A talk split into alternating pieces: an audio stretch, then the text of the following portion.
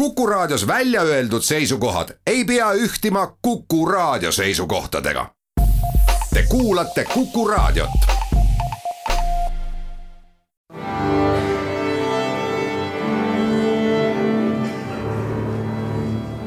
daamid ja härrad, Eesti Kontserdi saade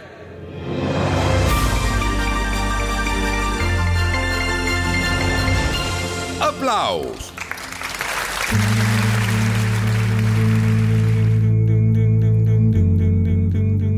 Tere kõigile, meil on siin rõõm teatada, et kontserdid on toimunud ja toimuvad ümbritsevatest tõsistest nakatumisnumbritest hoolimata ning vaatamata viimaste aegade publikurohketele ja ka ülisuurte esituskoosseisudega kontsertidele pole me hoogu andnud ühelegi nakkuskoldele. See on ülimalt vastutustundlik käitumine nii esinejate kui ka publiku suhtes. meenutame siin kasvõi näiteks septembri alul ära jäetud Vanemuise kontserdimaja hooaja avakontserte Tartus ja Jõhvis mille põhjuseks oli sajapealisest esituskoosseisust ühe laulja positiivne testitulemus. kultuur tegutseb vastutustundlikult ja ka kontserdid lihtsalt peavad meie igapäevaelu saatma jääma. me räägime meie tulevastest kontsertidest. selle nädala suur sündmus on kaheldamatult Tallinn A Capella festival. esmakordne sündmus, mis nagu nimigi ütleb, pühendatud vokaalmuusikale ja vokaalansamblitele. selle festivali algseks ideeks oli kohe algusest peale, et selle kunst kunstiline juht ei saa olla keegi muu kui Estonian Voices, meie selle ala silmapaistvaim grupp üheskoos ja täies koosseisus. kõigiga koos rääkida no, oleks olnud natukene keeruline, seega rääkisin Kadri Voorandiga, et mis siis õigupoolest on Tallinna A Capella festival Tallinna A Capella on äh, festival, kus esinevad A Capella kollektiivid äh, üle maailma, kes on siis oma valdkonna tipud. Ja see toimub esmakordselt ajaloos, minu teada ei ole Tallinna Capella festivali varem eksisteerinud. mis me siin nüüd salgame, tegelikult me oleme Estonian Voice'isega sellest ju rääkinud peaaegu kolm aastat tagasi ja kogu aeg käinud teile peale, et, et võiks sellist asja teha ja siis te olete öelnud, et äkki veel ei ole aeg valmis ja nüüd lõpuks on jaa, Voice'isel oli plaan, et kui me kunagi pensionile hakkame jääma, et siis me teeme selle oma festivali et on aega ja võib-olla valmidust rohkem ise korraldada sellist noh, pool akadeemia, pool kontserdi formaadis.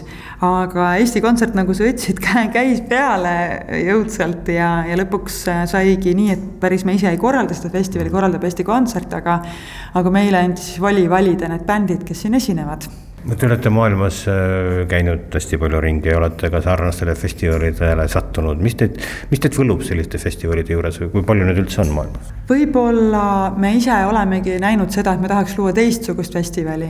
mida me otsime A-kapellas taga, on pigem selline hea muusika lihtsalt. kas just uus muusika, ei, ei pea olema, aga, aga just, et sellist originaalset või isikupärast essentsi, milles oleks selline hea tunnetus või emotsioon või loo jutustus või, või kuidagi tunnetada seda, kust keegi on pärit või noh, mingi selline essents. aga siis me vähemasti saime mm. nagu selle võimaluse valida siia Tallinnasse kokku sellised A Capella pundid, keda me ise nagu tahaks kuulata ühel A Capella festivalil. ja, ja nüüd nad siin koos on see beatbox'ide ja cover'ite a capella bändide suur buum, see oli nagu mõnda aega, see on kuidagi nagu maha rahunenud ja hakkab mingi vaikne selline uus teistmoodi sünd, et. eks seda buumi on ju olnud lainetena aegade jooksul äh, viimased mitukümmend aastat ja, ja võib-olla noh, Ameerikas seda kohtab rohkem, aga seal on ka sellist barbershopi, mis nagu loob mm. head pinnast, väga palju a capella gruppe sünnib selle nii-öelda emapiimaga kaasasündinud barbershopi helikõla tundmise pinnalt. aga just, et sellist pop a capella asja tehakse ju endiselt väga jõudsalt edasi, et meil on olemas ju ka Pentatonics kes on selle noh, vaieldamatu eestvedaja viimased aastad olnud. aga sellised grupid nagu Impact, X-X on meile tuttavamad, Eestis palju kordi käinud, nad seekord siia ei, ei tule, noh, nad on mitu korda käinud, et nüüd me läksime täitsa teist teed, et. ehk siis tegelikult äh, esimesel Tallinna A Capella festivalil on vokaalansamblid, mis esi-, esindavad äh, vokaalmuusika, no täiesti ikka seinast seina ja vastandlikke tahke sul on õigus, kõik äh, neli kontserti on üksteisest äh, täiesti erinevad ja eristuvad. kui meil on äh, The Chalice Colors, mis on maailma tipp klassikamuusika esindaja Big Am siis nende selline puhas klassikaline tämber on väga se-, selles mõttes väga eriline, et nad lihtsalt teevad seda nii hästi. Ja siis meil on äh, need äh, Tenores de Uniferi, kes on äh, võib-olla oma rahvamuusikaga täiesti teisest seinast selline ürgne, omamoodi eristuv rahvapärane häälekõla ja kasutus. siis oleme Voice'isega meie, keda oma publik võib-olla juba teab ja Perpetuum Jazzile on, on üleüldse eristuv koor maailmas selle tõttu, et nad on ju noh, sellist koori teist ei ole. Nad kõik laulavad igaüks oma mikrisse ja seal on sellist heli, helikõla maailma loomist, mida tavakoori puhul ei, ei ole võib-olla võimalik nii lihtsasti teha. häälteorkester jah, häälte, häälteorkester, suur hulk inimesi nagu palju, nagu mitu vokaalansamblit kokku pandud võib-olla võiks nii öelda no ja siis ähm, väga loodame, et, et sellest äh, võib saada Tallinna Acapella mingi teatud mõttes. Äkki, äkki saab maailmas tuntud kaubamärk, mida me käisime just praegu vaatamas, Rahvusooperi Ülemist kuppelsaali, kus toimub ööjämm ja mida seal, mis seal tegelikult toimuma hakkab, seda kuidagi nagu kujutame praegu ette, ega täpselt vist ei kujuta ka. Ja no tahaks väga, et oleks selline mm, natukene võib-olla müstiline või võimalus nagu läbi muusika ja rännata väljaspoole sellist igapäevast aega. ja noh, eks me ennegi oleme ju teinud Voice'iga kontserti, mille pealkiri noh, koos minu enda bändiga oli Paneme aja seisma. et võib-olla natukene seda ideed kanda edasi, aga hoopis teise muusikastiili läbi. et luua sellist äh, paljude vokaalkihtidega ambientset, võib-olla meditatiivset, müstilist helimaailma, aga me ei tea, see on jämm, on ju, seal on kõikidel lauljatel ju sõnaõigus kes tulevad jämmima. aga võib-olla me ise proovime luua seda suunda selles suunas, et oleks selline ilusakõlaline ja, ja annaks ruumi mõtetel lihtsalt rännata ja, ja ruumi unistamiseks. ma arvan, et kuulajal võiks olla sellel ööjämmil lihtsalt väga hea olla. Aga jah, selles mõttes on Tallinna Acapella kindlasti noh, erakordne, need esinejad on lihtsalt uskumatu kombo ja ma ei kujuta ette, kas neid siia enam, millal neid siia tagasi saab, nii et kui, kes vähegi nagu tahab väga kvaliteetset äh, kontserti ja hääle, häälega saavutatud kontserti saada, siis et tal ei oleks väga rumal see maha magada. Sellist võimalust, selliseid bände kuulata kahe päeva jooksul, ma ei tea, kas üldse tuleb enam kunagi.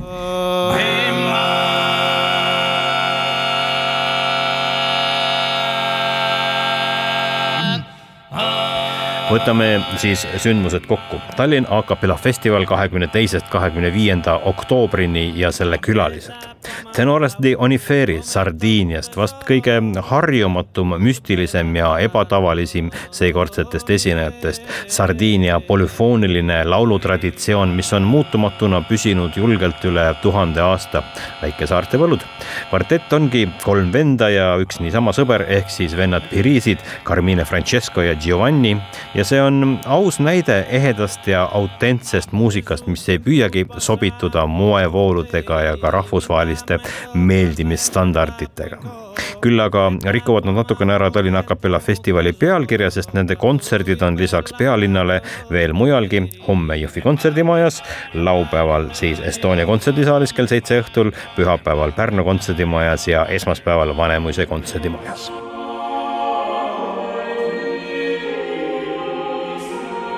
teiseks The Tallis Colors, Briti kultuuriekspordi lipulaev, kes esmakordselt oli Eestis juba tuhande üheksasaja üheksakümne viiendal aastal Arvo Pärdi festivalil ainsa kontserdiga Rakvere kirikus, mis publiku poolt peaaegu et maha joosti.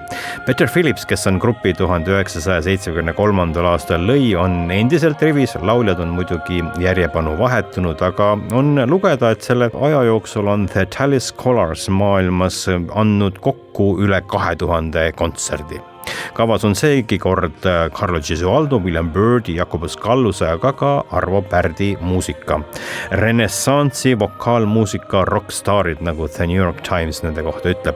laupäeval kell neli pärastlõunal Estonia kontserdisaalis vahetult enne Tenores di Oniferit ja sellele kõigele järgneb kell kümme õhtul Rahvusooper Estonia ülemises kuppelsaalis ööjämm, kus on kohal kõik festivali külalised ja muidugi me tõesti ei tea, milline see ööjämm saab olema.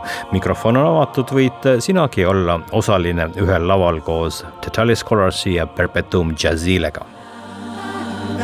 Don't stop me cause I'm having a good time. Niisiis, Perpetuum Jazzile, maailma suurim vokaalansambel ja seda ei tohiks segamini ajada kooriga. see on pea kolmekümneliikmeline seltskond, kus kõik on solistid kordamööda. ansambel, kelle Youtube'i videote vaatamise kordi on kokku ligikaudu kaheksakümmend kaheksa miljonit ja kes mängleva kergusega teeb omad versioonid ABBA, Michael Jacksoni, The Queen'i, Daft Punki, David Guetta, Lady Gaga, David Bowie, Johnny Mitchell'i, Bee Gees'i ja paljude teiste lugudest. näiteks Toto Aafrika seda vihmametsa stseeni on järgi püüdnud teha ka mitmed Eesti koorid. Perpetuum Jazzile Sloveeniast ja Estonian Voices koos ühel laval, ühel kontserdil pühapäeval, kahekümne neljandal oktoobril kell kuus õhtul Estonia kontserdisaalis. selline saabki plaanide järgi olema esimene Tallinn a capella festival ja et mitte nüüd ainult ühest asjast rääkida, siis täna õhtul on viimane võimalus näha Entel Tenteri suurt juubelikontserti Eesti Raadio laste laulustuudio koorid ja VHK keelpilliorkester, dirigendiks on Rasmus Puur. viiekümne aasta tagused laulud, mida toona teadsid peast absoluutselt kõik ja need laulud on nüüd saanud uue kuue ja noodiraamat ja plaatki on välja antud. veel homme kell kaksteist Jõhvi kontserdimajas viimane kontsert ja homme õhtul Tallinnas rahvusvaheliselt ülikõrge lennuga pianist Deniss Kožuhhin, kuninganna Elizabethi konkursi võitja, kontserdiga Tagasi lapsepõlve. seal on kavas Tšaikovski lastealbum ja Schumanni lastestseenid ja meie rahvusmeeskoor on täna õhtul kontserdiga Vilniuse Püha Katariina kirikus ja palju edu neile selleks. meie kohtume sel nädalavahetusel aga Tallinn A Capella festivalil, kõike paremat.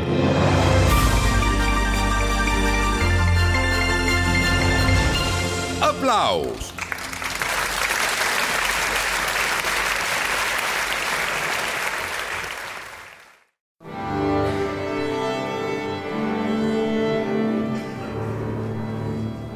daamid ja härrad, Eesti Kontserdi saade.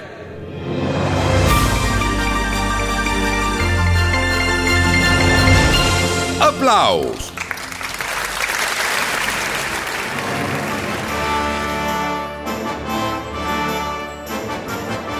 Tere kõigile, Eesti Kontserdi saade Aplaus, mina olen Lauri Aav nüüd uuel ja harjumatul päeval, kolmapäeval, aga räägime ikka Eesti Kontserdi lähematest ja kaugematest plaanidest ning täna võib-olla isegi rohkem kui tavaliselt sellest, mis kultuurivaldkonnas laiemalt toimub. külalisteks on Eesti Kontserdi juht Kertu Orro ja kommunikatsioonijuht Andri Maimets, kes aktiivsed osalised Eesti, julgeks öelda sellises mitteformaalses grupeeringus, kuhu kuuluvad circa kaheksateist kultuurijuhti, kes esindavad suurt enamust teatri, kino, kunsti ja muusikaga seotud asutustest ja organisatsioonidest meetmetest, et laiemalt kogu valdkonna toimimise eest seista. Saime kokku teisipäeva pärastlõunal, enne kui neil seisis ees kokkusaamine Riigikogu konverentsisaalis, et rahvaesindajatega kaardistada üldisemalt kultuuri olukorda praegusel, ütleme, turbulentsel ajal Eesti kultuuritööstuse hetkeseisust, strateegilistest arengusuundadest ning koostöövajadustest. vastab tõele jah, sellepärast et äh, kui vaadata, millises olukorras on Eesti rahvas, Eesti riik tervikuna olnud, siis loomulikult on ka kultuurisektoril väga palju murekohti, väga palju õigustatud küsimusi. ja, ja sellistel hetkedel on kõige mõistlikum alati ju koonduda, sest mured on samad ja, ja kui mõelda nüüd tagasi sellele, mis on ju toimunud pooleteise aasta jooksul, siis seesama kultuurikorraldajate seltskond, kes on selline lihtsalt mitteformaalselt kogunev ju valdkondade ülene äh, seltskond äh,. on päris palju ära teinud, olnud abiks ja partneriks kultuuriministeeriumile, aidanud kaasa majandusministeeriumil töötada välja Covid passide kasutus ja nii edasi, nii edasi, et noh, neid näiteid on palju et vastab tõele, et, et see seltskond on käinud koos, et lahendada kõige kiiremaid muresid, mis kultuurirahval on. midagi on juba juhtunud, sellest me saame kõik aru, aga kas on midagi veel äh, juhtumas, et seda peab praegu tegema? no juhtumas on nii palju, et kultuurikorraldajad kutsuvad äh, riigikogulasi äh, arutlema kultuurisektori rolli üle majanduse elavnädajana ehk et äh, me kõik anname ju endale aru, et äh, kultuurisektor ja loomemajanduse valdkond tervikuna tegelikult omab märkimisväärselt suuremat rolli Eesti majanduses, kui võib-olla me seda endale teadvustame. sektor annab tööd ligikaudu kolmekümnele tuhandele inimesele ja koosneb kümnest tuhandest keskmise või väikese suurusega ettevõttest ja panustab igal aastal ligikaudu viis protsenti Eesti SKP-st, et äh, täiesti märkimisväärsed numbrid. ja kui me täna nende küsimustega ei tegele, et äh, kuidas seda sektorit äh, vältida hääbumisest, sellepärast et õigel hetkel ei ole vaja, vastu võetud võib-olla vajalikke otsuseid. siis me neid vilju maitseme ju mitme aasta pärast ja need viljad on juba täna näha, et need saavad olema kibedad, ehk et just nimelt täna ongi see hetk äh, siin kriisi sees selle kõigega tegeleda, sellepärast et äh, teame kõik, õiget äh, kriisi ei saa raisku lasta ja just nimelt praegu tulebki tegeleda sellega, et leida see õige tee õiged strateegiad et kultuurisektor oleks jätkusuutlik ja saaks toimetada ka viie, kümne, viieteist aasta pärast et põhjuseks ei ole ainult see Covid pandeemia, vaid see, et sellega seoses on äh, kultuuri tarbimiseks leitud äh, uued ja digitaalsed viisid, mis kultuuri tegijatest otsekui teatud määral mööda lähevad no struktuursed muudatused on, on loomulikult vältimatud ja see kriis on ju välja toonud selle. et üks on äh, kõige ilmsem asi, ma arvan, kultuurikorraldajatele on piletimüügi langus. mis omakorda tähendab omatulu vähenemist ja, ja selles olukorras tulebki küsida koos poliitikutega, äh, et kuidas me siis oma kultuuri elujõulisena hoiame, teades seda et tõepoolest inimesed käituvad teisiti äh, ja, ja võib-olla tarbivad, ma ei tea, digitaalplatvormidel mingisugust kultuuri alavoogu, siin on näiteid väga palju Eesti filmitegijatest, eks ju, et. et kohe, kui, kui pandeemia saabus, äh, läksid väga paljud filmitegijad üle VOD platvormidele või siis kohe nii-öelda kino jäeti vahele ja ega kino pole taastunud siiamaani, mis tähendab seda, et võib-olla tulevikus see kino siis polegi enam koht. et, et see on see, ma arvan, kõige suurem küsimus, kuidas ühiselt äh, välja mõelda, mis on siis. ütleme nii, et kriisi ei saa kõiges süüdistada, vaid kriis tõi välja selle, et me oleme muutumas. ja kuidas siis muutuvas olukorras äh, ka kultuuri, need, mis on nii-öelda ka meie põhiseaduslikud kohustused, edasi teha kas see on siis suures plaanis oht kultuurile või kultuurisektoris töötavale kolmekümne tuhandele kultuuriloojale, kes äh, võivad äh, suures osas oma sissetulekut kaotada? eks ta on äh, mõlemat, aga et mitte pelgalt minna ohtusid kaardistama ja välja tooma, läheme me ju Riigikogu konverentsisaali kultuuriseminari pidama just nimelt eesmärgiga, et arutada et, et kuidas käivitada ühiskondlikku diskussiooni kultuurivaldkonna positiivse mõjude üle teistele sektoritele. sealhulgas haridus, turism, majandus, rahvusvahelised suhted, no, no kõik väga olulised valdkonnad, mis ühe riigi toimimisel on ühel hetkel ikkagi täiesti võtmetähtsusega no lihtsustatult öeldes on asju, asi ju selline, et tuli koroona, istusime kõik kodus, vaatasime Youtube'ist filme, kuulasime Spotify'st mussi. ja nüüd, kui me saaksime nagu päriselt minna kontserdile või teatrisse, väga nagu ei viitsi, kuidas nüüd valitsus saaks aidata? vot siin ongi ju küsimus selles, et selleks, et see muss Spotify'sse saaks, peaks olema selle looja ehk autor. aga kuidas see autor kasvab? et kui me nii-öelda selle lõppotsa anname käest ära, et jah noored kuulavadki Spotify's, mitte ainult noored, kõik lähevadki pigem Spotify'sse või kuulavad raadioülekandeid. siis tegelikult jääb see teine pool, kust tulevad siis autorid, kust tulevad loojad, see on kultuuriharidus, see on siis nii-öelda kultuuriloome enne seda, kui me sinna digiplatvormidele jõuame, et need küsimused tuleb ära lahendada, et, et siis me võime rääkida sellest tõepoolest, et võib-olla ei olegi kellelegi kunagi tulevikus kontserdisaale vaja, aga küll on vaja seda autorit. ja tema peab kusagilt tulema, tema peab saama oma esinemiskogemuse, esinemisjulguse, tema peab saama aru, kuidas suhelda publikuga ja nii edasi.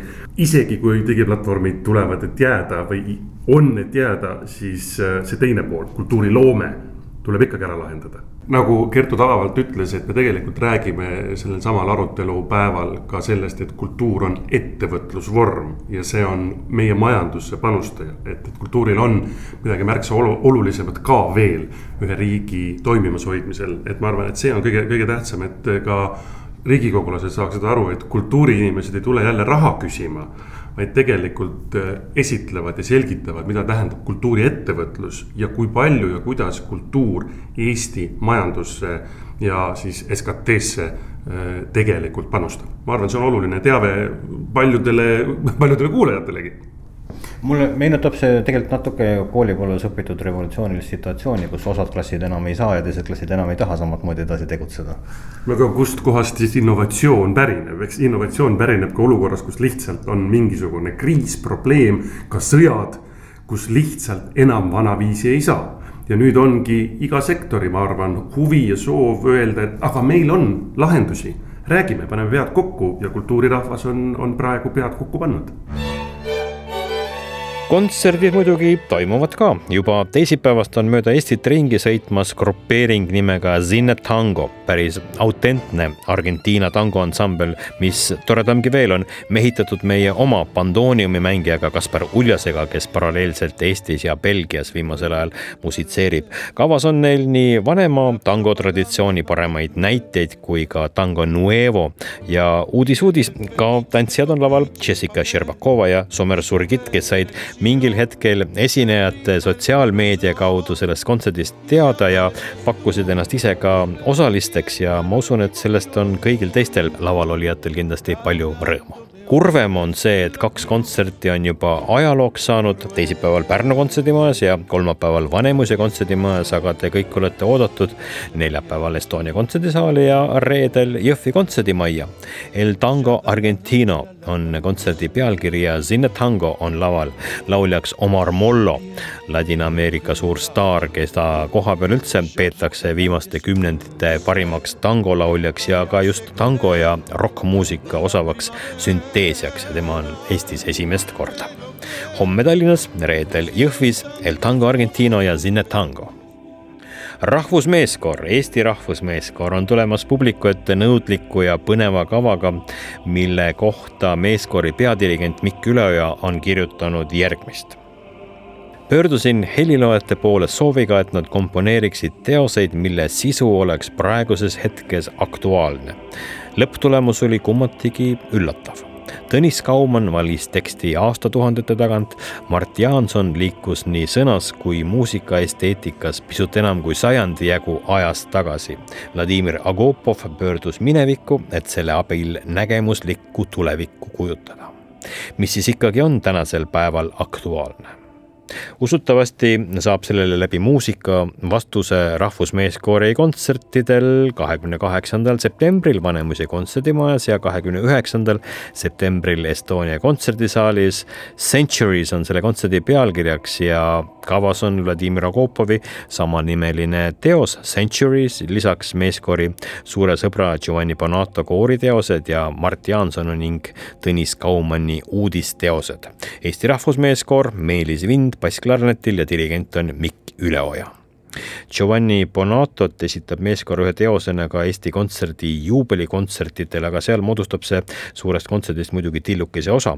Eesti Kontsert kaheksakümmend, suur juubeligala.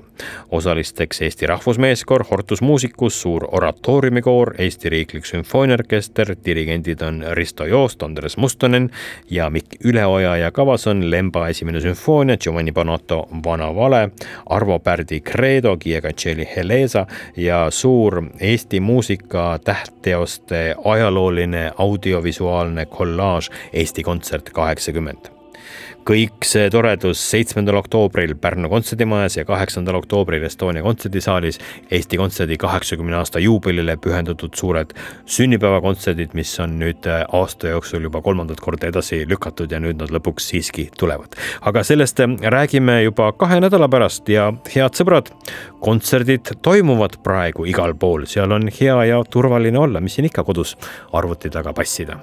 kohtume kontserdil ja kõike head teile